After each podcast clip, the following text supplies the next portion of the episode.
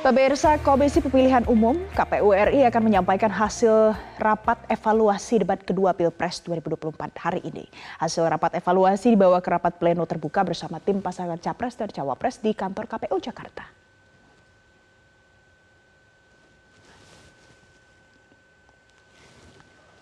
Menurut keterangan yang disampaikan anggota KPU RI, Agus Melas, hasil rapat akan disampaikan hari ini usai menampung semua aspirasi yang disampaikan tim paslon presiden dan wakil presiden.